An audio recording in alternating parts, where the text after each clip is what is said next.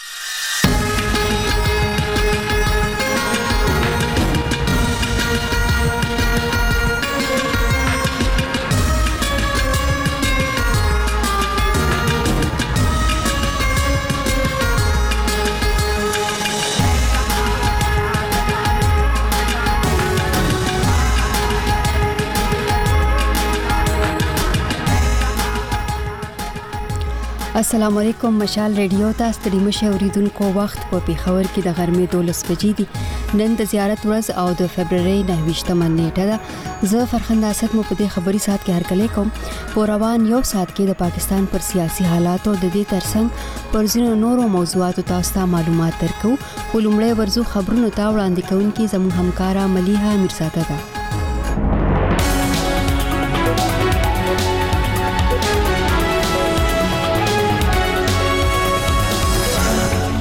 السلام علیکم ته ټول اول پام وکړئ د خبرونو سر ټکو ته د پاکستان قومي اسمبلی نوي غړي نن پر ابلل شوی غونډه کې د خپل دندې حلف اخلي د پاکستان پوز په شمالي وزیرستان کې د عملیاتو پر مهال د شپږو مشکوکو وسلوالو د وژنې ادا کړې او غربي بالکان هیوادونو په یو سرمشیزه کې د یوکرين لاتړ یو ځل بیا تایید کړي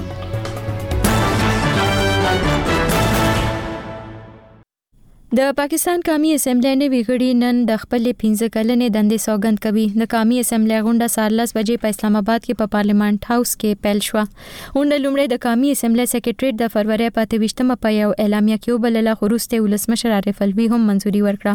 د قامي اسمبلۍ سکرټریټ په نوټیفیکیشن کې وویل شو چې د پارلماني چارو وزارت په درخواست د پاکستان وزیراعظم د قانون او انصاف وزارت سره تر مشورې وروسته د آئین د آرټیکل یو نوي د دویم شق لاندې د قامي اسمبلۍ د لومړي اجلاس لپاره د انتظاماتو منظوري ورکړه د قومي اسمبلۍ غونډې له جدول سره سم نن به د قومي اسمبلۍ نوي منتخب غړي اول حلف اخلي د مارچ په لومړۍ نیټه به د قومي اسمبلۍ سپیکر او ډپټي سپیکر انتخاب کیږي د قومي اسمبلۍ د غونډې په درېیمه ورځ یعنی د مارچ په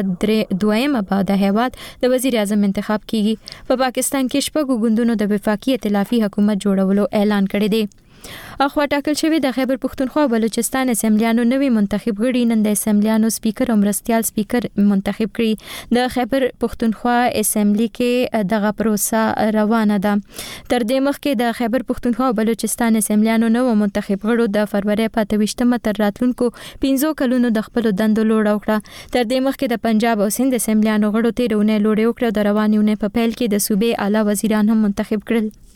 د پاکستان لوړپوړو امنیتي چارواکو په پیښور کې د شمالي وزیرستان اتمانزو جرګې مشرانو سره په غونډه کې د وزیرستان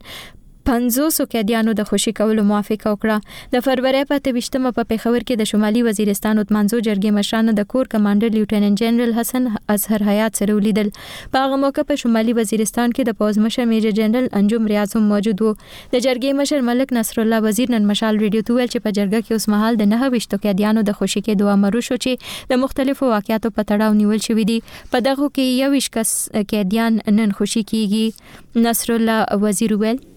د امن امان خبرې ولرته کوچ ونتی سي دلا درکړو یې کیس په میرالشاه کې دي ټیکنیکل 50 وکیل سي دغه رګړي خو البته دا وضاحت لا نه دی ورکړل شوی چې دا قیدیان څوک او د کومو جرمونو په تور نیول شوي وو امنیتي چارواکو ویلي چې پاتې یوویشت کسان به په راتلونکو ورځو کې جرګې ته وسپارل شي پوځي مشرانو د اتمانزو جرګې ته ډاډ ورکړی چې په سیمه کې د امن قایم ساتلو لپاره به ګډې هڅې کوي د دې ترڅنګ یې د ځینې ترقیاتي پروژو منځوري هم ورکړې ده اخوا د پاکستان پوځ په شمالي وزیرستان کې د شپږو مشکوکو وسلوالو د وژنې ادعا کړې د پوځ د عامه اړیکو څانګې آی اس پی آر د فروری په اتهویشتمه په یو بیان کې ویل چې امنیتي ځواکونو په سیمه کې د استخباراتي معلوماتو پر اساس کاروایی وکړه په بیان کې ویل شوی چې د وسلوالو سره د ډزو په تبادله کې او سرتیری ژوبل شوی هم دی په بیان کې ویل شوی چې وژل شوی مشکوک وسلوال په یو لړ ترهګرو فعالیتونو هدفي وژنو بتخوره او د ولسی وګړو په تختولو کې ککړ وو خپلواکو سرچینو لا د دې خبر تصدیق نه دی کړی او نه هم کومې وسله والې ډلې تر اوسه په دې اړه څه ویلي دي د پاکستان موسمیاتو محکمې له نن څخه د مارچ تر دویمې د هیواد په یو شمېر برخو کې د تیزو بارانونو طوفانونو او د واورې ورېدو امکان ښودلی د موسمیاتو محکمې د فروری په ویشتمه په خپل ویبپاڼه په یو اعلامیه کې ویلو چې له نن څخه د بلوچستان په یو شمېر سیمو کوټه نوکونډي دالبندین چاغي کلات خوزدار لزبیله تربت کیچ ګوادر خاران موسی خیل، ژوب، لورلايي، زیارت، کلا سیف الله او نورو یو شمېر سیمو کې د تېزو بارانونو امکان دی. دا په داسې حال کې ده چې په ګوادر سیمه کې د ورښتونو لړۍ روانه ده او د خلکو ژوند یې ورله مخ اغېزمن کړی دی. د موسمیاتو محکمې د خیبر پښتونخوا په سوات، دېرش، چترال، شانګله، بونېر، باجوړ، کرک، خیبر، پېښور، چارسده، نوښار، مردان، صوابۍ، کورمه، وزیرستان، لکي مروت، بنو، ډېره اسماعیل خان او نورو سیمو کې د سختو بارانونو اټکل کړی دی. محکمې د سیمو اوسیدونکو ته د احتیاط کولو ویلي دي او متعلقه ادارو ته د خبردارو اوسېدو هدایات جاری کړی دي د یوکرین ولسمشر ولادمیر زیلنسکي د فروری په 28مه د لویدیځ بالکان هیوادونو په سرمشیزه کې له کیف سره د پوځي او مالي مرستو د دوام غوښتنه وکړه او خبرداری ورکړ چې که روس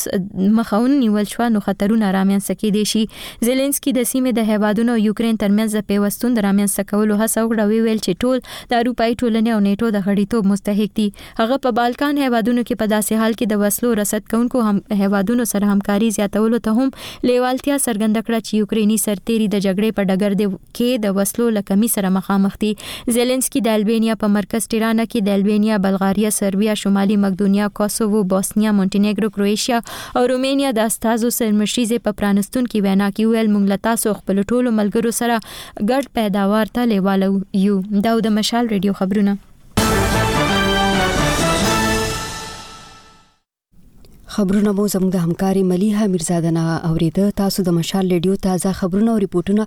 زموږ پر ویب پاڼه mashalradio.com هم اوریدلې او لوستلې شئ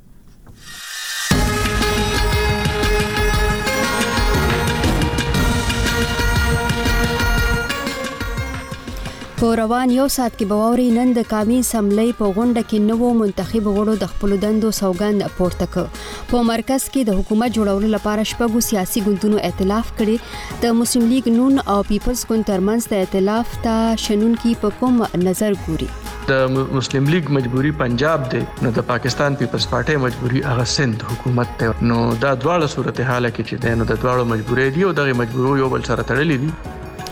د باجوړ اوسیدونکو وای په سیمه کې د بدامنۍ د پیښو لامل عادي ژوند اغیزمن شوی او خلک ناهیلي شوي دي خلک دومره مایوس شوي دي خصوصا زمونږ څوک د حکومت نه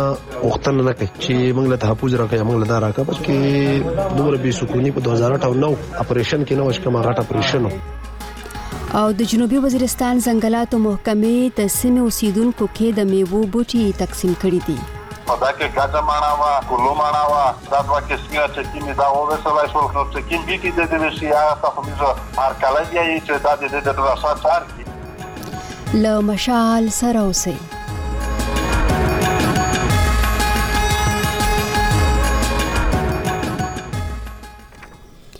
اوریدونکو نن په اسلام آباد کې د قامي سملې په غونډه کې نوو منتخب غړو د خپل دندو سوګند پورته ک په هیواد کې شپږو سیاسي ګوندونو په مرکز کې د راتلونکي حکومت جوړولو لپاره اتحاد کړی دی د دغو ګوندونو لخوا د وزیراعظم د چوکۍ لپاره کاندید او د مسلم لیګ نواز ګوند مشر شهباز شریف د فبرورۍ پر اتویشتمه د ټولو اتحادیانو سره ولیدل نوموړي د ماخام ډوډۍ ته ټول اتحادیان وربللی وو چې پکې د قامي اسمبلی د سپیکر او مرستیال سپیکر لپاره د خپل نوماندانو نمونه اعلان کړل د اتحادي ګوندونو مسلم لیګ نواز پیپلز پارټي متحده قامي موومنټ استحکام پاکستان پارټي مسلم لیګ کاف او د بلوچستان عوامي پارټۍ مشرانو هم په دغه ورځ د جمعیت علما اسلام فیګوند مشر مولانا فضل الرحمن سره ولیدل او مرسته یې ترې وغوښتله په دې اړه نور تفصیل د اسلام آباد نه د مشال رډیو خبريال راشد خټک راکوي په پا پاکستان کې د نوي حکومت جوړولو لپاره د 14مې قامي اسمبلۍ غونډه نن په اسلام آباد کې کیږي. د حکومت جوړولو لپاره شپږ سیاسي ګوندونو مسلم لیګ نواز، پیپل پارټۍ، متحده قومي مومنټ، استحکام پاکستان پارټۍ، مسلم لیګ کاف او بلوچستان عوامي پارټۍ په خپلو کې اتحاد کړی دی. په اته ویشت مه فرورۍ په اسلام اباد کې د مسلم لیګ نواز صدر شهباز شریف لخوا د دې ګوندونو مشران د ماښام ډوډۍ ته دعوت شوي وو چې د حکومت جوړولو لپاره یې سلا په کې وکړه. د دوی ترمنځ د مهمو چوکیو د وېش په اړه په اسلام اباد کې د خیبر ټي وي ډایرکټرنیوز مبارک علي مشال رډیو ته وویل. حکومت به جوړیږي او صدراعظم به شهباز شریف په دې خو اتفاق شوی دی، دغه رنګه د صدارت څوکۍ څنګه چې وړاندې نه خبره شوې ده هغه به آصف علي زرداري د سپیکر لپاره د پاکستان مسلم لیګ نواز ډلې ایاز صادق د هغه نوم غوره کړی شوی دی خو د ډپټي سپیکر چې کومه څوکۍ ده هغه به پیپلز پارټۍ چې غړی دی غلام مصطفی دا به هغه ته ورکول کیږي او چې کومه مهمه خبره په کې ده په هغه کې د پاکستان پیپلز پارټۍ د چیرمین بلاول بوټو زرداري یو بیان دی او هغه دا وایي چې دا حکومت چې کومه جوړیږي د دې کې به د نون لیګ برپور معاونت کیږي. د اتحادي ګوندونو ترمنځ د تړون تر مخه به پیپل پارټي وزارتونه نه اخلي، خو د صدر، د قومي اسمبلۍ ډپټي سپیکر او د سنیټ د چیرمین چوکۍ به اخلي او د دوو صوبو ګورنران به هم ټاکي. مسلم لیګ نواز به د قومي اسمبلۍ سپیکر او د سنیټ ډپټي چیرمین چوکۍ اخلي، د وزارتونو نه علاوه به د دوو صوبو ګورنران هم ټاکي. د تحریک انصاف غړي چې په ازاد حثیت کې د انتخابات ګټلو نه پس په سني اتحاد کونسل کې د شاملېدو اعلان کړی دی به په اپوزیشن کې کیني. د حکومت جوړولو لپاره د مسلم لیګ نون او پیپل پارټۍ ترمنځ د اتحاد په اړه په پېښور کې د جي این این ټي وي بیورو چیف کاشف الدین سید وایي چې دا د دوی مجبوري ده. ده په دې اړه د مشال رډو یوه پوښتنه داسې ځواب کړه. لکه په اسانو الفاظو کې که زه ووایم نو دا څیز اوس مسلم لیګ نون ته یا شریف کورنۍ ته پور په غاړه دی او د دې نه هغوی خلاصېدی نه شي او ځان ترې نه نه شي خلاصولی یوه دویمه دا ده چې په وفاق کې حکومت هغوی د دې دپاره هم اخلي چې پنجاب پې سیکیور کړي کني چې کومه فارموله د پاکستان پیپلز پارټۍ سره طی شوې ده نو زما په خیال دې ته خو زه داسې څه سیاسي دغه نشم ویلې د مسلم لیګ مجبوری پنجاب دی نو د پاکستان پیپلز پارټي مجبوری هغه سند حکومت دی نو دا دواړه صورتحال کې چې دی نو د دواړو مجبورې دی او دغه مجبورو یو بل سره تړلې دي د اتحادي ګوندونو مشرانو د جمعیت علما اسلام مشر مولانا فضل الرحمن سره هم ولیدل او د قومي اسمبلۍ سپیکر او ډپټي سپیکر په ټاکلو کې د مرستې غوښتنه ترې وکړه. په پېښور پوهنتون کې د ژورنالیزم استاد او قلم نګار ډاکټر عرفان اشرف وایي چې د نوې اسمبلۍ د کامیابۍ زیات دارومدار د اپوزیشن په کردار دی. ده په دې هکله مشال رډیو ته وویل. یو طرف ته څه کم دا یو کوئلیشن ده د ټولو پارټیانو څه هغه خوشحالون یقیناً یو لوی امتحان ده. پاکستان مسلم لیګ ته. ها دا خبره ضرور ده څه د عمران خان او د هغه د پارټۍ بو څه طرز عملی څه کم په بنیاد بندې بو د مخکې حکومت پرفارمنس جاج اخلو زه ګڼم څه مخکې څه کم وخت روان ده هغه مکه ده لکه کم ریاست غوښتلو یعنی یو داسې کشاله یو داسې سرکس څه په کم کې هره وه ورځ یوه نوی ډرامه پرته ده مونږ ته مخته د قامي اسمبلۍ د غونډې د شډول تر مخه به په لومړۍ ورځ غړي سوګند پورته کوي، په دویمه ورځ به د سپیکر او ډپټي سپیکر انتخاب کوي او په دریمه ورځ به د وزیراعظم په ټاکلو کې برخه اخلي. په کویټه کې قانون پوه او تجزیه نګار همایون کسیو ډکیټ وایي چې راتلونکی حکومت به د ډیرو ستونزو سره مخ وي. ده د یوې پوښتنې په ځواب کې مشال رډیو ته وویل. اسټبلشمنټ خوښه نه وه چې دا ټاکنې وشي، دا قاضي فایزیسا په وچ زور وکړې، نو په مجبوري کې دوی ټاکنې خو وکړې، خو ټاکنې داسې ټاکنې وکړې چې داغه یو کریډیبیلیټی نشته مثال ټول آزاد کینډیډیټس راوستل او هغه څوک دلی څوک دوري بس یو هپ اند ډیزرټ دی دوی سر نه پخلاصي چې څوک اوس به دا کتل وی چې دا پرو دا د دوی دا تجربه څو کال چلیږي د پارټیانی چیم دونه ریلیکټنټ دي کنه دغه وجه دا د پولیټیکل پارټیانی د دې کرایسس د وتلو پروګرام نه لري د کمیس عملی د ټولو چوکیو شمیر 314 دی خو اوس مهال صرف درې سوه غړي لري، ځکه چې د ځانګړو چوکیو لپاره د شل ښځینه او درې اقلیتي غړو نومونه تر اوسه نه دي اعلان شوي. پنځه چوکۍ هغه غړو پرېښي چې د صوبايي اسمبلو انتخابات یې هم ګټلي وو یا یې تر وې زیاتې چوکۍ ګټلې وې. اټکل کېږي چې د پیپل پارټۍ یو مشر او پخوانی وزیراعظم یوسف رضا ګیلاني به هم د سېنېټ جرمن جوړېدو لپاره خپله د قومي اسمبلۍ چوکۍ پرېږدي. او په باجوړ کې د يو کانديد د وژل کېدو له وجې په يوه حلقه کې انتخابات نه وو شوي. راشد خټک، مشال رېډيو، اسلام اباد. دا مشال رادیو ده. تاسو مشال ریډیو ته غوږی اوریدونکو نن د بلوچستان اسمبلی سپیکر او ډیپټي سپیکر انتخاب کیږي د حکومت اتحاد لوري د سپیکر لپاره کیپټن عبدالخالق اچکزي او د ډیپټي سپیکر لپاره میرمن غزاله نومول شوې ده بلخوا حزب اختلاف ویلي چې دوی به پر دوانو چوکیو خپل کاندیدان او دروي خو تر اوسه یې څوک نه دي نومولي تیر ورځ چې کله د بلوچستان اسمبلی نو منتخب غړو حل پاکستان او هغه وخت په انتخاباتو کې د مبینه درغلې په ضد ځینو سیاسي جماعتونو احتجاجي مظاهره هم وکړه په دې اړه نور حال د کوټې نه د مشال ریډیو خبريال ایوب ترين راکوي د بلوچستان اسمبلۍ د سپیکر او ډپټي سپیکر انتخاب به نن کیږي. د دې مقصد لپاره حکومتي اتحاد پاکستان پیپلز ګوند، مسلم لیګ نون او بلوچستان عوامي ګوند له لوري د سپیکر لپاره د سرحدي ښار چمن څخه ټاکل شوی د صوبايي اسمبلۍ غړی کیپټن عبدالخالق اڅکزی او د ډپټي سپیکر لپاره د پاکستان پیپلز ګوند د اسمبلۍ غړې میرمن غزاله ګوله نومول شوې ده. که څه هم په بلوچستان کې د حزب اختلاف تر ټولو غټ جماعت یعنې جمعیت علماء اسلام له لورې ویل شوي دي چې دوی به په دې دواړو چوکیانو سیالي کوي خو تر دم ګړي پورې یې څوک د کاندید په توګه نه دی نومولی. بل پلو ته چې کله تېره ورځ د بلوچستان اسمبلۍ نوو ټاکل شوو غړو حلف یا سوګند پورته کاوه نو هغه وخت په انتخاباتو کې د ټګۍ په ضد د پښتونخوا نیشنل عوامي پارټۍ هزاره ډیموکرټیک ګوند او عوامي نېشنل ګوند له خوا د کوټ پر جي پي او چوک باندې احتجاجي مظاهرې وسوې. د مشال رېډو سره په خبرو کې د پښتونخوا نېشنل عوامي پارټۍ صوبايي سکتر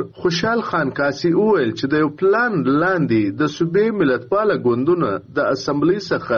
لرې کړل سوي دي لا اته تاریخ زه په دې ټوله صوبه کې د لوی لارې بندې وي احتجاجونه او کاربندیزونه سوي دي شټر ډاون هړتالونه سوي دي او نن چې نن د دې د افراد اسمبلی علي د البرداري اول سیشن دی نو دلته د ملک جمهوریت پارټیانو بل خصوص د کوټي جنوبي پښتونخوا او د دې صوبې پښتونخوا نېشنل پارټي عوامي نېشنل پارټي په ګډه باندې یو احتجاجي مظاهره ده موږ د اسمبلی مخې ته راځو دا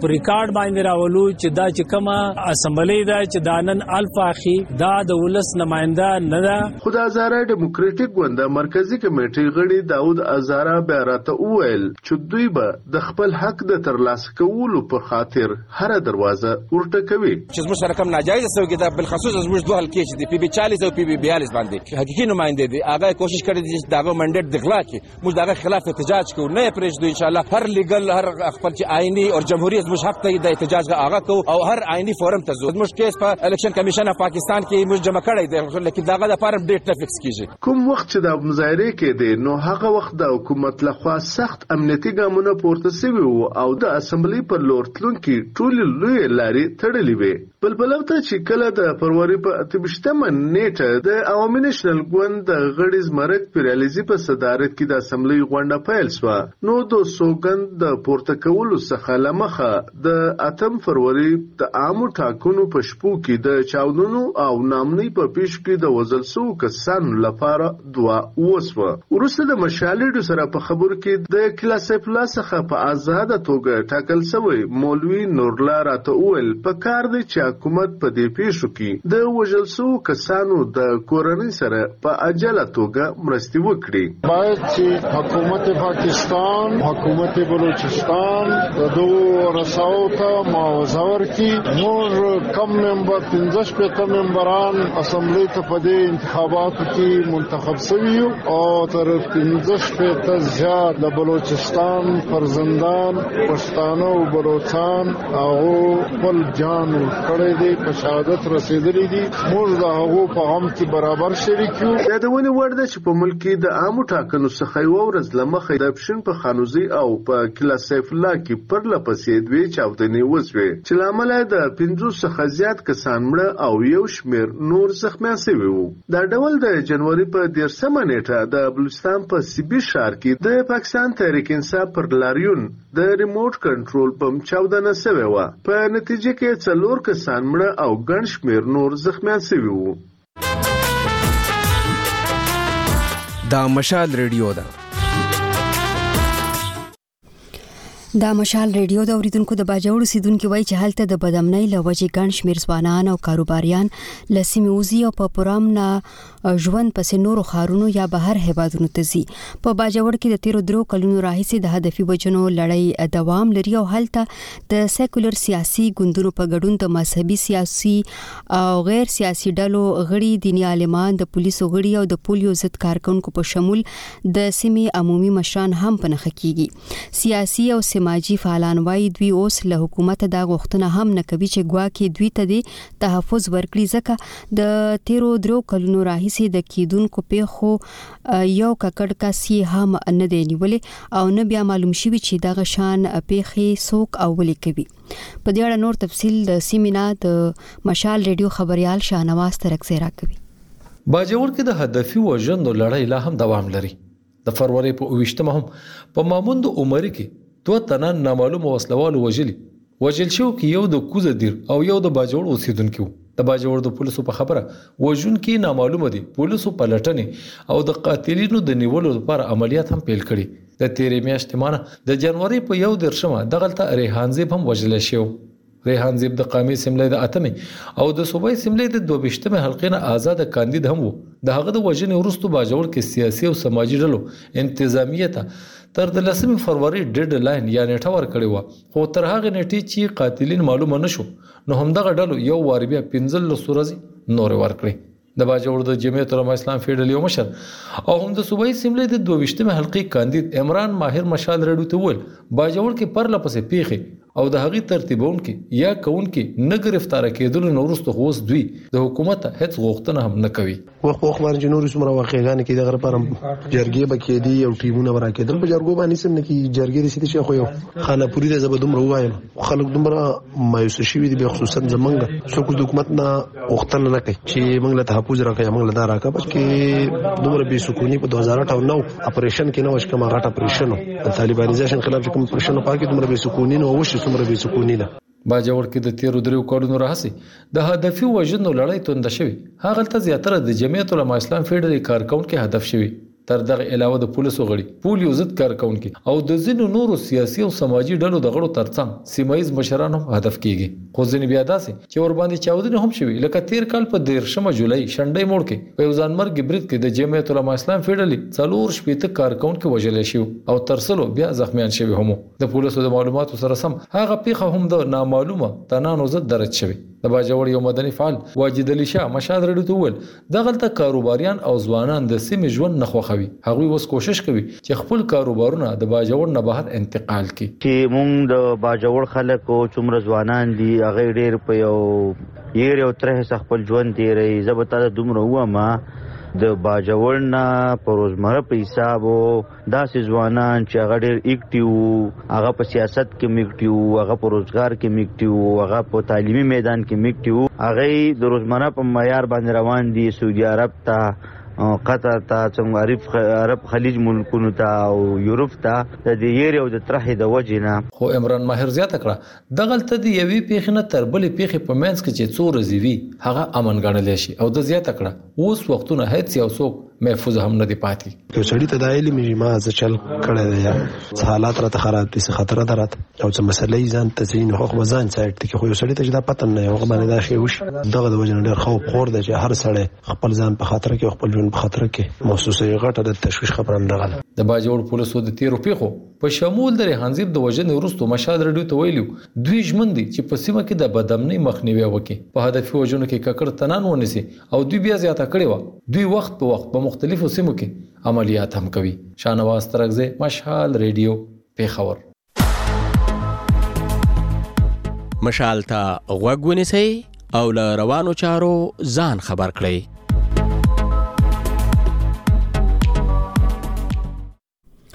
اوریدونکو د سواد په منګوره کې د میونسپل ادارې کارکونکو د تنخواګانو او بقایه جاتو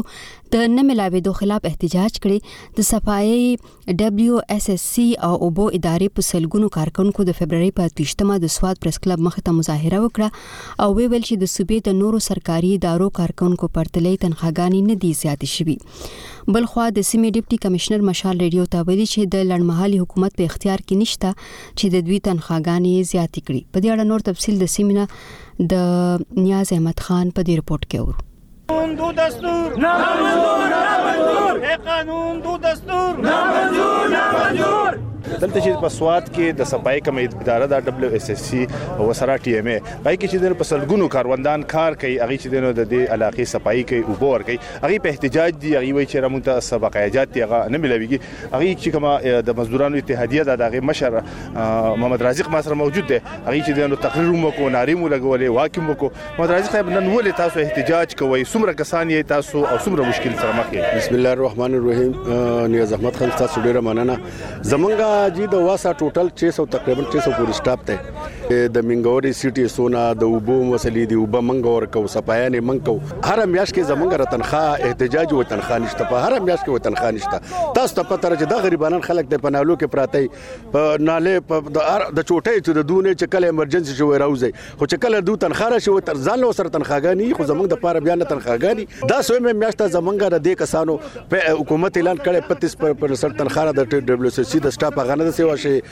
زمونږ د چرکولو پیسې دي د ټیمه نه چې موږ سټاپ تلیو هغه ټیمه ول خپل اغستې دي هغه بل ما دول وړي هغه دروسه پورې نه د خطرې سو سو نو پیسې دی یو کس پاتې دي سو نو سټاپ ته دغه پیسې پاتې دي د ټول سټاپ پاتې دي تقریبا 500 سټاپ ته د پلکه روپۍ زمونږ پاتې دي او دروسه پورې دول ټال مټول کار کارري او پیسې نشته زه خو حیران ما چې خپل د بلون لپاره دغه لپاره پیسې شته او د دې لپاره پیسې نشته نو د دې به موږ څه دغه کو دا غریبانان تاسو زما سره نه دا غریب بل بشر موږ سره د دنه پښتنه کو تاسو خپل نوم وایي او لکه سونه سره تاسو د پیسې گزاري بسم الله الرحمن الرحیم زمونږ خان محمد دی زه په مزدور یونین د دې مرګره ما او زمونږ چې دی زمونږ اګریمنت نشته اګریمنت کله لګیدل هغه نشته دی زمونږ چارکول کله شوی دی د وړ بغیر راغی زمونږ چارکول پیسې نشته زمونږ تنخواګانې په هره میاشت کې دا مسله وي نو موږ حکومت ته دا خواست کوو ستاسو په ذریعه باندې چې مهرباني وکړئ زموږ دا مسلې حل کړئ چې موږ په هره میاشت کې دې دغه ته نه یو جوړ موږ به خپله مزدوري کوو که موږ به ورته لو کوو غویمې به کوو یو خواري کښ نه پوښتنه کوو دی ولاړ دی ستا څومره تنخواه ده څه دې نوم دی له ولا کوم ځای کار کوي څومره تنخواه دې ده زما نوم عمر حیات دی پوه شې موږ د ټیمې نه برتشي موږ یې واسطه په واله کړي موږ له پچیس هزار روپۍ میاشت راکوي د پنځو شپږ کالو لکه باقیجات پاتې را تر اوسه پور مونږ ته میلاو نشو نو پر تنخوا مونږ ته په ټیم باندې نه میلاویږي په دې نالو کې په دې کې روز زمونږ ژوندۍ ټوله تباہ شو نو مونږ چې کوم دا ډیلیوژن کسانو نه دادی مهرباني وکي صوبای حکومت مونږ دی لکه پرمنټ کی مونږ تنخوا چې دا کوم ډیلیوژن کسان چې د ټیمې دی اغول ور کوي 30000 او 2000 ول ور کوي او مونږ وروره 25000 روپۍ ټوله ژوندۍ زمونږ په دې باندې گزاره نه کی خو بس مجبوری ده صاحب مطلب دا خو د خادي ورځ مونږ نه نه راوتی نو کله وي تنخوا شته کله وي نشته افسران چې دی اغور په مخه دا پیسې نو موږ باندې د رحم وکړي صوبایي حکومت له پکار دي چې زمونږ ډیلی وجن کسان چې دي زمونږ تنخواګانې دیم سیوا کی موږ دې پرمنټ کړل شو بالکل اوریدونکو ته دا وایم چې دبليو اس اس سي کوم چې اداره دا اغي کوم مشر دی وخت نشته او کوم چې ډیپټي کمشنر دی دا غي په دې وخت هغه مشر دی ډیپټي کمشنر بیا بیا ویلي چې دلته لړمحاله حکومت ته حکومت لا نه درغلی دوسر د اختیار نشته چې د دې تنخواګانې سیوا کی یا د یا چې نور کی بلکې په تیر وختونو کې صدرې ثواب کم چې په ډیلی ویجز یعنی په ارزي توګه باندې کار کوي عدد نه وستلای شوی دي دوی چې کله نوې حکومت راغی دغه نه بعد بچی دي نو دغه کسانو ته دغه بقایا جات چې دي یا د دوی ترخاګانو باندې بچی دي نو ته غور کول کیږي دوی ته ور کول کیږي اوریدونکو خوازه بایزه د مومندو تحصیلونه دي د سیمې اوسیدونکي وایي چې هلته د بجلی او روزګار د سهولت د نشټوالي ترڅنګ مقامي سړکونه هم ډیر خراب دي دوی وایي که حکومتي ادارو دغه سیمو کې د کانو کارخانه ولګولې نو بیا ممکنه ده دغه سیمو کې د ولس اقتصادي ژوند هم خشي او د سړکونو حالت په ورسره هم اخشي د بایزو تحصیل ګڼ شمیر آبادی د سیمې بهر ژوند کوي ځکه چې دوی وایي دغه سیمه کې د روزګار هیڅ موقع نشته نو خلک یې غواړي حکومتي ادارې دې د روزګار وسیلې ورته برابرې کړي په دې اړه نور تفصیل د مشال لیډو خبريال شاهنواز ترکزی شاهنواز ترکزی را لګلی د بر محمدو د خویزو او د بایزو خلک وای دغلته د سرکونو د بجلی حالت ډیر خراب دی د خویزو او د بایزو د تحصیلونو خلکو زیاته کړه دغلته د سنگ مرمرو کانی وړونکو ته هم مشکلات وي خو دوی بیا دا هم وای سیمه کې که د کانو کارخانه ولګې دي نو د دوی اقتصادي ژوند به ورسره ډیر خشي د شندرې بایزو اوسیدونکی ملک سنوبر مومن مشاد رډیو ته وایي تر هغه چې سړکونه برابر نه وي د تعلیم، صحت او د سنگ مرمرو کاروبار هیڅ ترقي نشي کولی. ماربلو د درنګونو خوا سره دې لپاره کرخانې جوړې شي دې ته بجلي ورکړې شي چیرې دا لوډ چې کوم دی دا په قطه په دې سرکونو باندې نه ځي دا د ځان له د خویزي بیزي سب ډیویژن د روډ لپاره نه دا ټول روډونه ماتوي قطه چې کوم ځي په غلنۍ کې یا په بل ځای کې هلته د غرونو خوا کې کرخانې جوړې کړي او دا روډونه چې کوم دي دا را لساس کړي کی ځکه چې ډیر غټو مشکلاتو سره موږ مخامخ یو. په کال دوه زره او لسم کې د شروع شوي عسکري اپریشن سره سم د دغه سیمو اکثریتي خلک کډوال شوي د بایزو د تحصیل لږ شمیر کډوال خو کلو ته ستانه شوي وو ولې زیاتره پکې پیښور چارسده او نورو سیمو کې ژوند کوي دغه تحصیل کې لا هم د هلکانو تر د لسم او د جنکو تر د اتم ټولګیو پورې سکولونه نشته ولې زیاتو کلو ته پکې د بجلي سهولت لا هم نه دی ورکړی شوی. بایزید د ډیورین کرښې ته څېرمه په مغربي اړخ آباده سیمه ده چې زیاتره کاروبارونه یې د ګوسړی او د نواپاس کنډو په لارو کېدل خو دغه لارې هم بندې شوي. د بایزو سره تړلې شوې خویزۍ سیمه کې هم ډېر مشکلات دي نو د کونګ کلي اوسېدونکی تفسیر مومند مشال راډیو ته وايي د دوی سیمه کې د بجلۍ ګرېډ هم جوړ شوی او ویل شوي و دغې باندې به کارخانې هم چلېږي خو لا هم نه دي شروع شوي.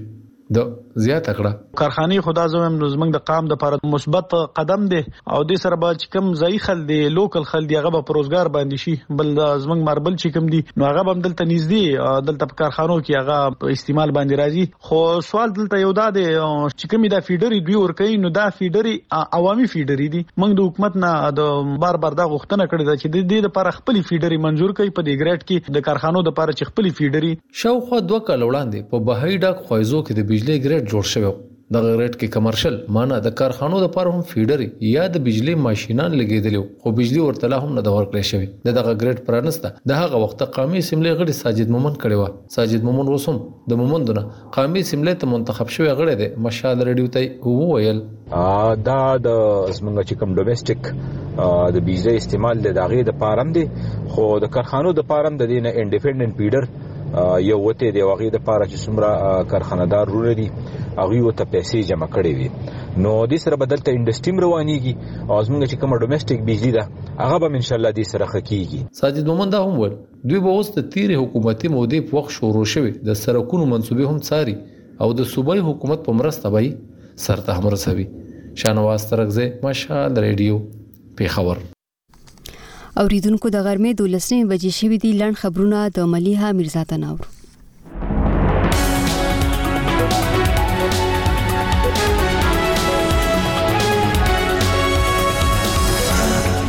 د پاکستان قومي اسمبلی نوي غړي نن د خپلې 15 کلنې دندې سوګند کوي د قومي اسمبلی غونډه سارلس بجې په اسلام آباد کې په پارلیمنت هاوس کې پیل شو غونډه اول د قومي اسمبلی سیکریټریټ د فروری پاتې وشتمه په یو اعلامیه کې وبلله خروسته ولسمشر عارف علوي هم منځوري ورکړه د قومي اسمبلی غونډې له جدول سره سم نن د قومي اسمبلی نوي منتخب غړي به حل فخلي د مارچ په لومړۍ نیټه به د قومي اسمبلی سپیکر او ډیپټي سپیکر انتخاب کیږي د قامي اسمبلی د غونډې په دریم ورځ یعنی د مارچ په دویمه به د هیواد د وزیر اعظم انتخاب کیږي اخوا ټاکل شوې د خیبر پښتونخوا بلوچستان اسمبلیانو نوی منتخب کړي نن د اسمبلی سپیکر او مرستیال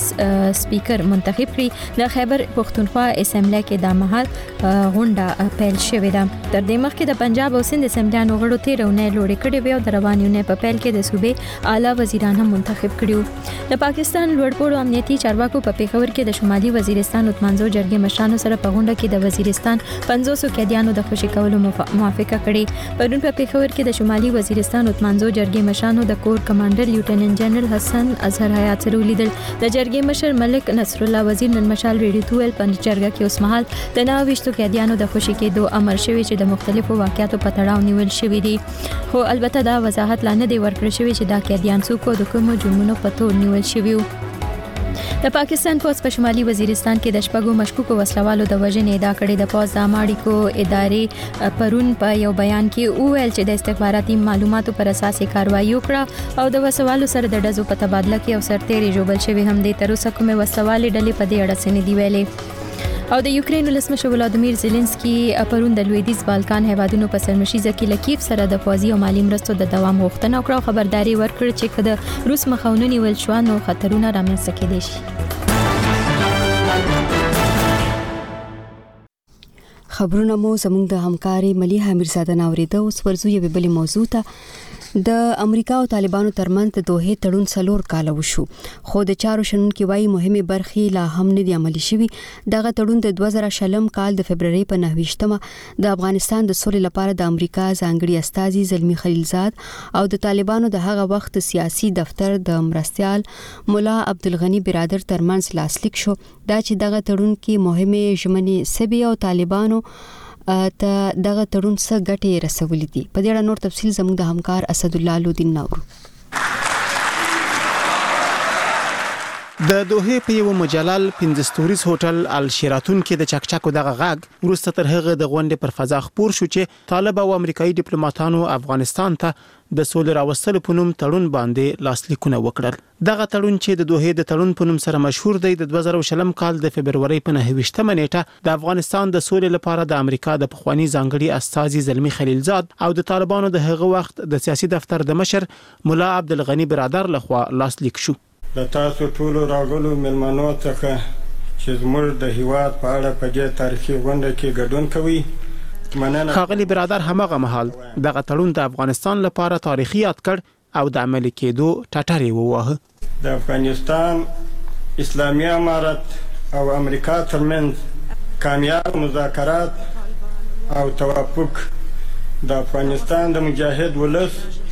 او نړۍ په ګټه یو مثبت اقدام دی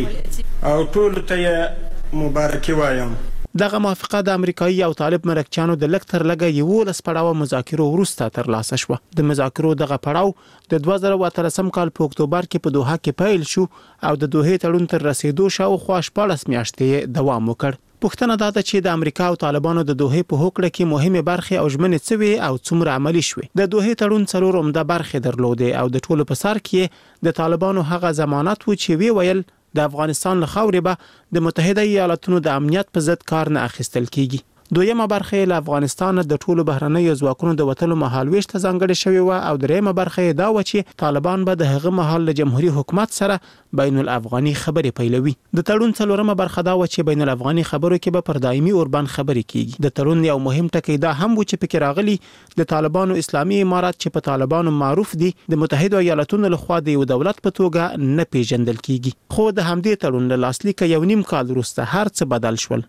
او طالبانو د دویم ځل لپاره پر افغانستان ولکه ټینګه کړه. د ډېرو په باور همدا د دوحې تړون له افغانستان څخه د امریکايي او ناټو ځواکونو د بشپړ وتلو د جمهوري نظام د کمزوري کېدو او په افغانستان کې د طالبانو د بیا ځلي واکمنېدو لامل شو. طالبانو عین فکر کاوه چې وخت د امریکایانو وځي نو ولې دوی دا وکړي چې د قدرت یې برخې باندې راضي شي ولې ټول ونه نیسي. د واشنګټن په ملي دفاعي پوهنتون کې استاد او د چارو شنونکی علي احمد جلالي وايي، همدې د دوحې تړون طالبانو ته مشروعیت ورکړ او واک ته یې ورسول. د دوحې تړون چې دی، دا یو تړون دی چې نیمګړی پاتې شو، تطبیق نه شو. آغاز لري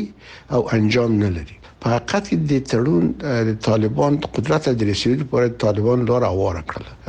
یو څه یې د دې لپاره هواره کړله چې یو مشروعیت یې ورته ورکړ. ځینو هیوادونو چې ولیدل چې طالبان امکان لري چې په قدرت راشي او یا د قدرت یو برخه شي نو روابط یې ورسره زیات کړل، ټینګ کړل، مرستې یې ورسره وکړلې. ښاغلي جلالي ازادي راډیو ته وویل، طالبانو له پخواني افغان حکومت سره د واک شراکت ته لېوالتیا نه درلوده نو ځکه یې د زور له لارې قدرت ونیو. د دوحې له تړونه لا څو اونۍ تېرې نه وې چې طالبانو او متحده ایالتونو یو بل د تړون د مادو په نقض تورن کړل. دا هغه څه وو چې په پوره شکل باندې سر ته ونه رسېدل. دوحې د تړون په کتو کې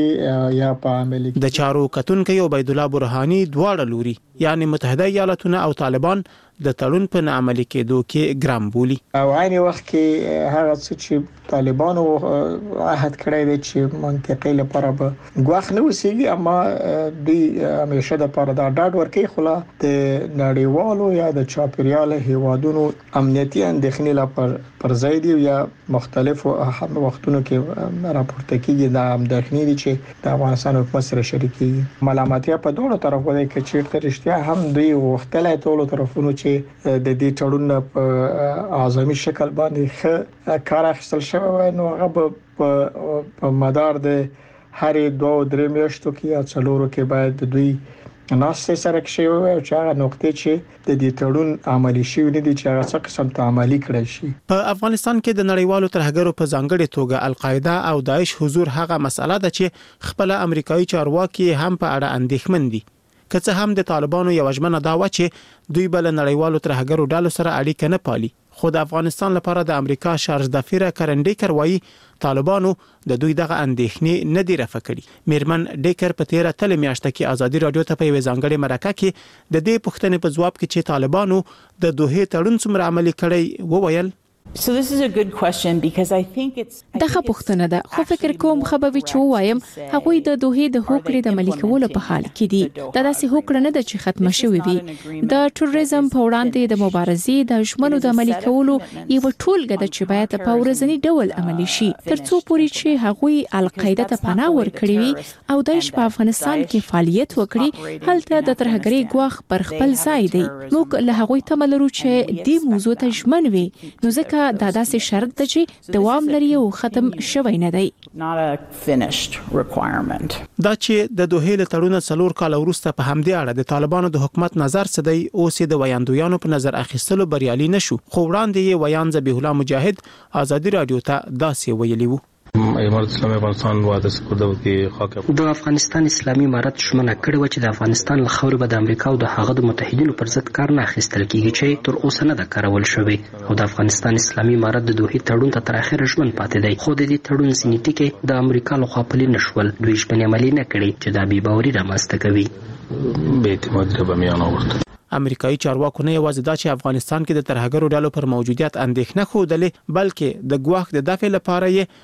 عملي اقدام هم کړی دی. دې برخه کې په کابل کې د القاعده ډلې د مشر ایمن الظواهري په نښه کول د امریکا د عملي اقدام د بېلګې په توګه یادولی شو. د القاعده مشر ایمن الظواهري د دوه زره او دوه ویشت کال په جولای کې د کابل په شېرپور سیمه کې د امریکا د بې پیلوټه الوتکې په برید کې ووژل شو. طالبانو هغه مهال ویلي و چې دوی د هغه له مرګه خبر نه دي او د څېړنو د پیل خبر یې ورکړ چې تر اوسه د دې څېړنو پایلې رسنیزې نه شوې. تازه هم د ملګرو ملتونو امنیت شورا وویل چې القاعده په افغانستان کې اته روزنیز کمپونه جوړ کړي دي. د امنیت شورا د راپور له مخې د القاعده شبکې اوسنی مشر سیف العدل دی چې ایران کې میشت دی او د همدې سیف العدل کسان په افغانستان کې د القاعده د لوړپوړي غړي عبدالرحمن الغامدي له کسانو سره تګ راتګ کوي. د طالبانو ویاند ذبیح الله مجاهد بیا د امنیت شورا راپور رد کړ او ویې ویل، د القاعده اړوند کوم کس په افغانستان کې نشته. طالبانو تر دې وړاندې هم تل ورته ډاډ ورکړی، خو افغانستان کې د ټي ټي پي یا تحریک طالبان پاکستان او داعش وسله والو شتون هغه مسئله ده چې د افغانستان ګاونډیان په ځانګړې توګه پاکستان، ایران، تاجکستان او ازبکستان یې اندېښمن کړي دي. د مشال رادیو په خبري غړې کې ل روانو چارو څخه د خبرېدو ترڅنګ شننې او تبصرې هم اوریدای شئ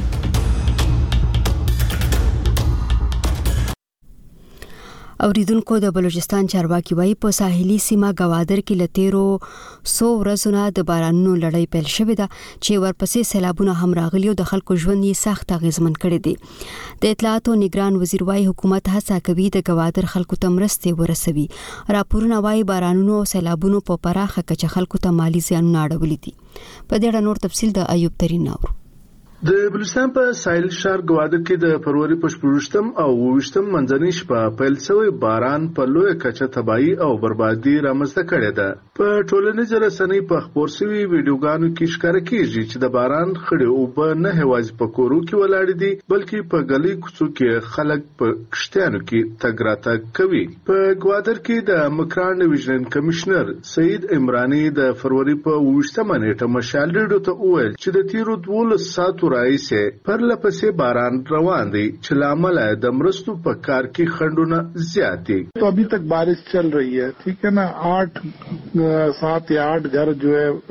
ګر ګئې هې مکمل نقصان هو ګيا هې. تر اوسه باران روان دی اووه یا اته کورونه نړېدلي دي د دېرش څخه بیا تر څلوېښت پورې کسان ډپټي کمشنر و خوندي ځاییو ته انتقال کړي دي. خو د باران د درېدو وروسته به د کورو او ښار څخه د اوبو د ایستلو کار پیل کړو او چې کومې اوبه په کورو او کوڅو کې ولاړې دی هغه به د مشینانو د لارې وباسو.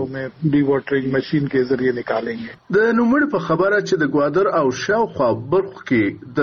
رودو د راتلو څخه، لوی لاري بندې سوي دي او دا ډول د تېرو درو ورځو راهیسې د ګوادر په سمندر کي د مایانو پر نیولو یې هم بندیز لګولی دی. د دې سره سره یې ټولي تعلیمي ادارې تړلي دي. خو د ګوادر څخه د حق دو تحریک له خوا ټاکل سوی د بلوچستان اسمبلۍ غړی مولانا هدایت الرحمن ویلي دي چي په ګوادر کي دي سمدلاسه ایمرجنسۍ یا د بیړنۍ وضعي اعلان وسي. دا ډول د ګوادر ډپټي کمشنر هم ویلي دي چې په ګوادر کې د اوسنۍ بارانو څخه په لویه کچه مالي زیان اوښتی دی خو د نوموړي په خبره چې د سیند او پنجاب په لور تلونکي لوی سړکان خلاص دي. د ګوادر د چارواکو په خبره چې د پرله پسې باران له امله بجلي هم خرابه شوې ده او په نتیجه کې تېره شپه د ګوادر په زیاترو برخو کې تیاره وه. د موسم ښوونکي دفتر د چارواکو په خبره چې د ګوادر په ګډون به د بلوچستان په زیاترو برخو کې نه یوازې په راتلونکي څو ورځو کې باران او پر غرو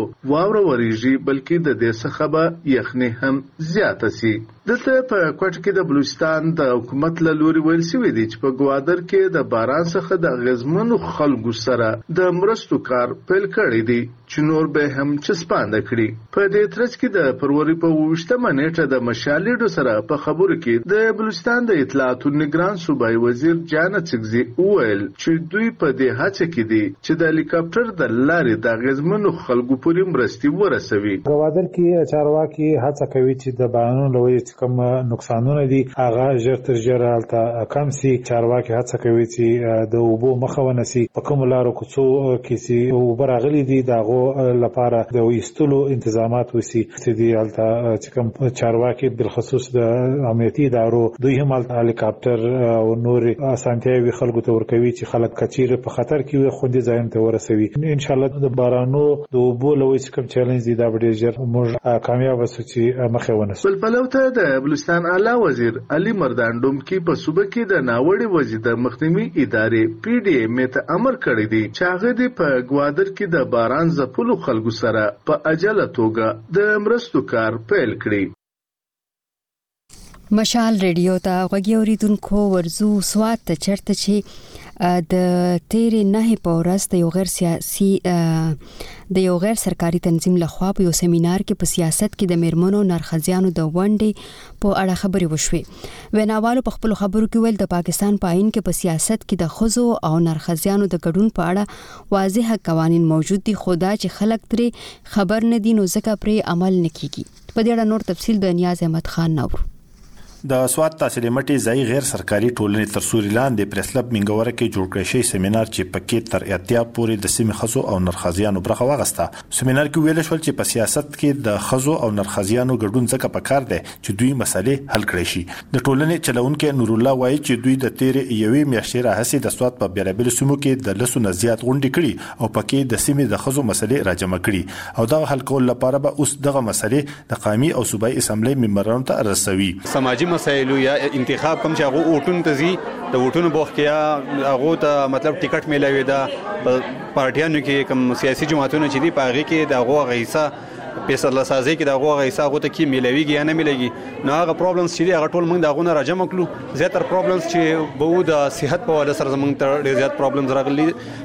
زنانو به زیات تروي چې کم بي ایچ یوز چې دي نو هغه یا فنکشنل نه دي یا ډیر زیات لري دي دغه شانتي په تعلیمي لحاظ باندې پرایمري سکولونه په هر علاقې کې موجود دي او های هایر ایجوکیشن لپاره چې کوم کالجونه دي یا یونیورسيټي دي نو هغه مطلب د پیمرز لپاره سپیسیفیک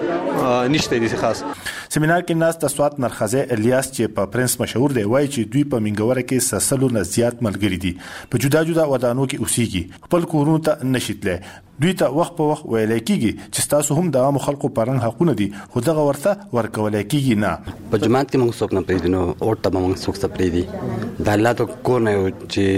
چی یو انسان دغه کوي کنه نو بس په دی کی مونږ څه وایو دا خو بس د معاشری دا خلک داسی دی چی په جومات کی مونږ نه پریږدی د الله په کور کی نو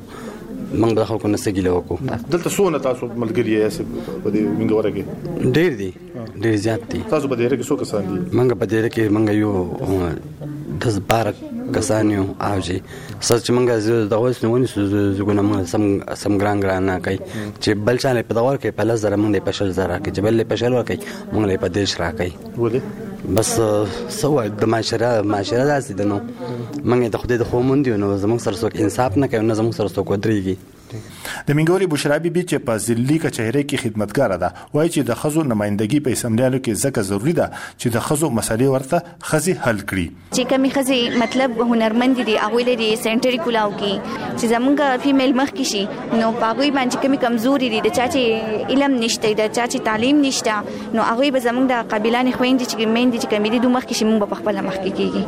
مونږ نو نو ضروری خو زمونږ د پاره دي زمونږ د کمزورو د پاره خو ډیره ضروری دي کم از کم زمونږ د فیمیل هیلپ خو بکې کنه او مونږ فیمیل خپل خبره فیمیل ته کولای شو مونږ میل ته نشو کولای زمونږ فرسنل مسلې راځي هر قسم مسله راتلی شي نو ضروری نه ده چې هغه مونږ میل ته وایو او نه ویلې شو ځکه چې فیمیل چې هغه په خپل کې خپل ډیسکشن کولای شي سیمینار کې د خیبر پښتونخوا سوشل ویلفیر ادارې ضلع سوات مشر سلیم خان ویل چې د پاکستان په آئین کې ټولو اوسېدونکو او په خصوصي توګه نرښځیانو او ښځو ته برابر حقونه ورکولو قانون شته. زمونږ آئین چې دی د دستور چې ویل کېږي زمونږ چې د ملک کوم آئین دی په هغې کې اکیس داسې حقوق دي چې هغه د زنانو لپاره دي چې هغې ته د د هغې د ژوند حق هغې ته د هغې د ازادۍ حق هغې ته هغې د فریډم ایکویلټي پراپرټي کلچر سوشل رایټ دا ټول پای کې شامل دي او د آئین زمونږ د آئین 25 آرټیکل چې دی نو په دې باندې بالکل کلیر دی که خزه ده که سړی دی هغه د قانون مخې ته هغه د هغې رائټ ډیټرمن شوي دي هغه یو شان دي ګڼل کېږي دغه شانتي آرټیکل 34 چې دی نو هغه هم د دې متعلق دی چې قومي زندګۍ په هر شوبه کې چې دی نو ښځو ته به د هغې حق چې دی هغه میلاویږي هغه به کې شمولیت کوي په هغې کې او هغه به هغې نه نه منع کېږي سیمینار کې ویل شول چې د ښځو نرښځیانو حقونو خوندي ساتل او بیا دغه حقونو عملي کولو لپاره چې کله حکومتونه جوړ شي نو د سوات نه د قامي او صوبايي اسمبلۍ ممبرانو سره به رابطه کولای شي او د چارټر اف ډیمانډ په ذریعه به ترې دغه حقونو عملي کولو غوښتنې کولای شي نیاز احمد خان مشال ریډیو سوات دا مشال ریډیو ده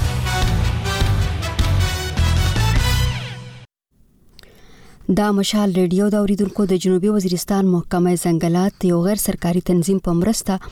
په کروندګرو کې داسې بوټي ویشلي چې میوه داري ونې ترې جوړیږي خو بل خو خلک وای د وچکالۍ له وجې د هغو د هغوی شته باغونه لمنځه په تلو دي نو چارواکي دی اول د اوبو غم ورته وخوري محکمه ځنګلات وای خلک دی هغه بوټي وکري چې زر حاصل ورکوي او کمی اوبه یې داروي په دې اړه نور تفصیل د اشتیاق مسید ناورو د سویلي وزیرستان ځنګلاتې محکمې مشر مشال ریډیو ته ویلي دي چې د غیر سرکاري تنظیم په مرسته یې د ضلعو کروندګرو کښې یې د میوې بوټي تقسیم کړي دي خو د سویلي وزیرستان لوور ضلعې کروندګر ویايي چې په ضلع کښې د ځمکې لوندې اوبو کمي په وجه د میوو باغونه یې وچ شوي دي.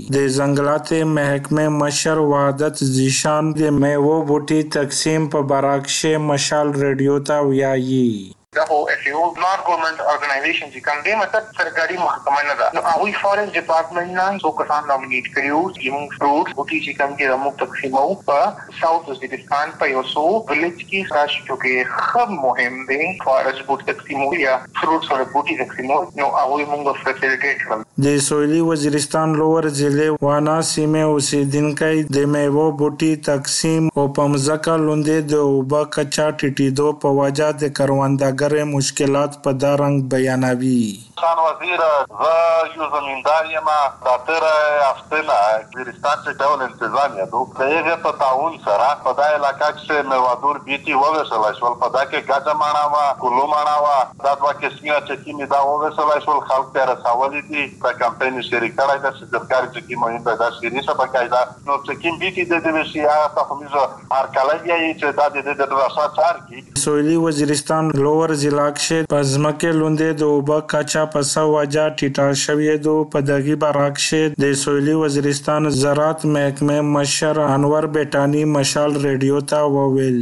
د اوبو کمي مسله خو روانه ده د ساوت وزیرستان لوور شې لکه وانه ته چې وګورې نو وانه شې له شاته چوکه لوره سې د زمیندارانو طرف نه دا شکایت ده او بلکل دا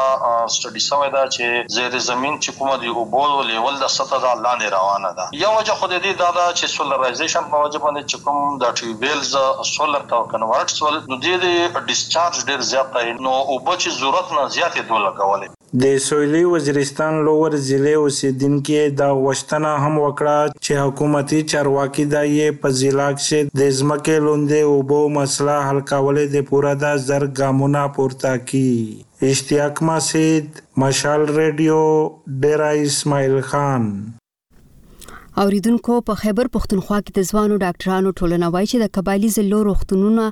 د ډاکټرانو کارکونکو او ماشینونو له لوی کمی سره مخامخ دي د ټولنې یو مشر پرون مشال ریډیو ته ویل چې همدا لامل دی چې د هغو سیمو خلک د وړو روغتیايي ستونزو لپاره پیښور او نورو ښارونو ته تلو ته مجبور دي دا په داسې حال کې ده چې د خیبر پښتونخوا په خواني حکومت د 2020 کال په پای کې په قبایلی ضلعو کې د یو شمېر روغتونونو چارې شخصي ادارو ته سپارلې دي چارواکي وایي هغه ادارې خلکو ته د طبي خدماتو رسولو ذمہوار دي چارواکي البته دا هم وایي چې د مالی ستونزو لوجې د روغتونونو چارې اغیزمنې شوې دي په دې اړه نور تفصیل د مجید بابر ناورو د خیبر پښتونخوا د ځوانو ډاکټرانو اتحادیه وایي چې د قبایلی د لو روغتونونه د ډاکټرانو صحي عملې او د ماشینرۍ د سخت کمښت سره مخ دي چې له وجې ولس نورو سیمو ته د علاج لپاره په ورتګ مجبور دي د فروری په 25مه مشال ریډیو سره په خبرو کې د خیبر پښتونخوا د ځوانو ډاکټرانو د اتحادیې مشر ډاکټر مجاهد خان وویل، د خراب امنیت له وجې هم ډاکټران او صحي عمله زمشو ضلعو کې دندو ته زړه نه ښه کوي. یو ته دلته کې زه په کې ټي ایچ کې یم، بل دا په ایچ ایم سي کې، بل په الارش کې، تاسو که وګورئ د مرج. ایریاز چې څومره هم دي د میجارټي اف پیشنټس چې کوم دي هغه په دې هسپتالونو کې د دوی پراته دي نو که اف ان کیس ته هغوی هلته کې حالات ټیک وي هلته کې ورته حالانکه زموږ سره ډیر زیات پول دی په اف سي پي ایس یې خلکو پاس کړي دي سپیشلایزیشن یې خلکو کړي دي خو د جابز د کمي د وجې نه چې کې مرج ایریا کې دې اف سي پي ایس کوالیفاید خلکو له چې کوم دی هلته کې خو په لوی مقدار کې په ماس اماونټ کې چې کوم دی هلته کې زره وباسي نو دا کوالیفاید خلک به خلک به الته کې لاړ شي. ته چې د کراغه ایریا چې کوم دی اټریکټیو کې نو دوه خبرې دي یو خو دا چې ته به خپل هغوی له سیکیورټي چې کوم دی که نه به ورکې دویمه دا خبره چې چېر الته کې چونکې د هارډ ایریا چې کوم الاونسز دي که نه نو دغه الاونسز د نورو په نسبت لکه په سنټر کې دي دا پیری پری هم ده او په پیری پیری کې بیا داسې ایریا ده چې مطلب دا دی چې د سړي په هغې سب کانشیس کې چې کوم دی دا خبره پرته دا په داسې حال کې ده چې د دوه زره شلم میلادي کال د دسمبر په میاشت کې په خیبر پښتونخوا کې د تحریک انصاف پخواني حکومت د ضم شوو ضلعو روغتونونه غیر حکومتي ادارو ته سپارلي ول او دغې پروژو ته یې د پبلک پرایویټ پارټنرشپ نامه ورکړې وه چې له مخه به د روغتونونو ټولې چارې شخصي کمپنۍ سمبالوي خو د ضم شوو ضلعو لپاره د صحت په صوبایي محکمه کې کوارډینیټر ډاکټر امتیاز شاه د فروری په پنځه ویشت مه مشال ریډیو ته وویل چې په صوبه کې د مالي مشکلاتو له امله دا مهال د قبایلي ضلعو ټول روغتونونه د درملو، عملې او بنیادي شیانو نه محروم دي. لبارټرۍ کې هم بلا شیزونه دي لکه یو یو لبارټرۍ کې یو یو ټیسټ مشینونه چې کوم لګي هغې کې بیا هغې کې چې کوم ټولز لګي هغې لپاره چې کوم مټیریل لګي صحیح شوه بیا چې کوم په ریهبلیټیشن کې کوم څیزونه دي هغې کې ډیر مټیریل او مشینري دي چې هغه کمی دی که نه نن سبا وګوره د سرنج او د کینولې او د پټه پورې مونږه محتاج یو قسم لکه نه کا ټول پاکستان کې نن سبا د ایکس ری او ګورا ایکس ری فلم د سره نشته ته لکه بیسیک شیزونه چې کوم دی هغه بل چې دی نو د میډیسن خو به هیڅ زیرو دی د دې نه علاوه چې تاسو ګورئ په مارکیټ کې چې کوم شیزونه لري ناغم دا خبره 5600% انکریز کړو نو لکه ډیر ډیر شیزونه دی. بلخوا د خیبر پښتونخوا د نګران اعلی وزیر د صحت په برخه کې ځانګړي سلاکار ډاکټر ریاض انور د فروری په پنځه ویشت مه مشال ریډیو ته وویل چې دوی د ضم شوو ضلعو یوولس روغتونونه شخصي ادارو ته سپارلي دي او د ټولو ضرورتونه پوره کولو هغوی ذمه وار دي. مونږ چې کوم رپورټس دي هغه دا دي چې او پي ډي لیول چې کوم دی هغې نه زیات شوی دی دا یو دوه درې میاشتو لپاره څه کمی راغلی وو انټرپشن هم به بعضې ځایونو کې شوي دي، سرویس انټرپشن هم شوي دي، خو زیاتر هسپتالونه یا د آر ای سي هاسپټلز چې کوم دي، دا چلیدلي دي. نو دې کې دا و چې هغه کسان چې کوم دي، هغوی ډاکټران خپله هایر کړي دي، اکویپمنټ هم ایښی دی، سرجریز هم پکې شوي دي، د ګایني والا پروسیجرز هم پکې شوي دي، لیبر د ډیلیوریز هم پکې شوي دي. د ډاکټر رياد انور په خبره حکومت که څه هم په قبايلي ضلعو کې د صحي عملې او ماهر ډاکټرانو لپاره د زياتو تنخواګانو پروژې هم پيل کړې دي خو پېښوره صحي عمله او ماهر ډاکټران زم شوي ضلعو کې دندو کولو ته زړه نه ښه کوي چې له وجې د هغو ضلعو روغتونونو کې د ماهر ډاکټرانو او صحي عملې کمی دی. اوریدونکو ورزو یو بلی موضوع ته د افغانستان د ننګرهار ولایت مرکز جلال آباد ښار شپږمې ناحیې اړوند د یو دولتي اسکول زده کوونکي شکایت کوي چې ښوونځی یې د احاتې دیوالونه درسي خونې د سکلو پاکې اوبه تشنابونه نه لري چې لوجې له ډیرو ستونزو سره مخ دي بلخوا په ننګرهار کې د طالبانو د حکومت د پوهنې ریاست چارواکي په یاد سکول کې شته مسلې مني او د هوارولو ژمنې کوي په دې اړه تفصیل په دې رپورټ کې. د جلال اباد ښار په شپږمه ناحیه کې د نجم الجهاد دولتي ښونځي زده کوونکي وايي چې ښونځی یې د احاطې دیوالونه، منظمې درسي خونې، د څښلو پاکې اوبه او تشنابونه نه لري، چې له امله یې د دوی درسي بهیر ټکنی کړی دی. دوی په ننګرهار کې د طالبانو د حکومت د پوهنې ریاست له مسؤلو چارواکو د ستونزو د هوارولو غوښتنه کوي. د یاد ښونځي د اتم ټولګي زده کوونکی عرفان الله وايي چې د ښونځي د احاطې دیوالونه تیر کال سیلاو وړي وو چې له امله یې ښونځی په کنډر بدل شوی دی. زمونږ په مکتب کې مشکلات ډیر دي ځکه دوه کاله مخکې باران وو، سیلاب راغلی او دغه د مکتب دیوالونه یې وړي وه نو موږ دا هیله لرو د معارف نه چې موږ ته سره د په دې کې کمک وکړي او نور زموږ مکتب کې صنفونه نشته. د سید عمر په نوم د نهم ټولګي زده کوونکی وايي چې ښونځی یې د عمومي سرک پر سر جوړ دی چې د درسي خونو د نشوالي له امله د دوی درسي بهیر ټکنی شوی دی. نوموړی هم له مسؤلو طالب چارواکو په ښونځي کې د ستونزو د هوارولو غوښتنه کوي. تدریس کوي نو د باندې چې موټر ته چې شته وګورو یا کوم بل څه هغه شي نو د درس کې ټول خلل راشي او مونږ ته تختې دومره نشته درې ګانې نشته سرپناه ځایونه نشته زمونږ اینده ومان او اتمان او نهمان دا صنفونه ورته نشته مونږ هیله دا ده چې صنفونه جوړ شي. بل لور ته په ننګرهار کې د طالبانو د حکومت د پوهنې رئیس مفتي حبیب حضرت حقاني په یاد ښونځي کې شته ستونزې مني او د هوارولو ژمنې یې کوي، نوموړی وايي. تدریسي خونو کموالی دی او همدارنګه تعمیري خونو سلسله کې مونږ کوشش کوو، د اسلامي امارت په راتلو سره په ننګرهار ولایت کې شپږ ویشت مکاتبو ته تعمیرونه جوړ شي او تقریباً شپږ دیرشو په اندازه باندې مکاتب ترمیم شو چې په هغې کې اکثره برخه د اسلامي امارت د بودیجې نه شوې ده. د مکتب شاګردانو ته په دې خبرې اطمینان او ډاډ ورکوم چې هغه وخت قریب دی، انشاءالله لرې نه دی، چې موږ او تاسو به د دې خبرې شاهدان یو، چې د تدریسي او اداري برخه کې یا د یوې ساختماني برخه کې کوم مشکلات یا نیمګړتیاوې وي، هغه به پوره شي. د ذکر وړ ده چې په ننګرهار کې څه باندې نهه سوه دولتي ښونځي شته چې تر نیمايي یې زیات د احاطې دیوالونه، منظمې تدریسي خونې، تشنابونه او د څښلو د پاکو اوبو څاګانې نه لري. دا مشال ريډيو ده که د روانو چارو نه ځان خبروئ د مشال تر څنګ اوسئ.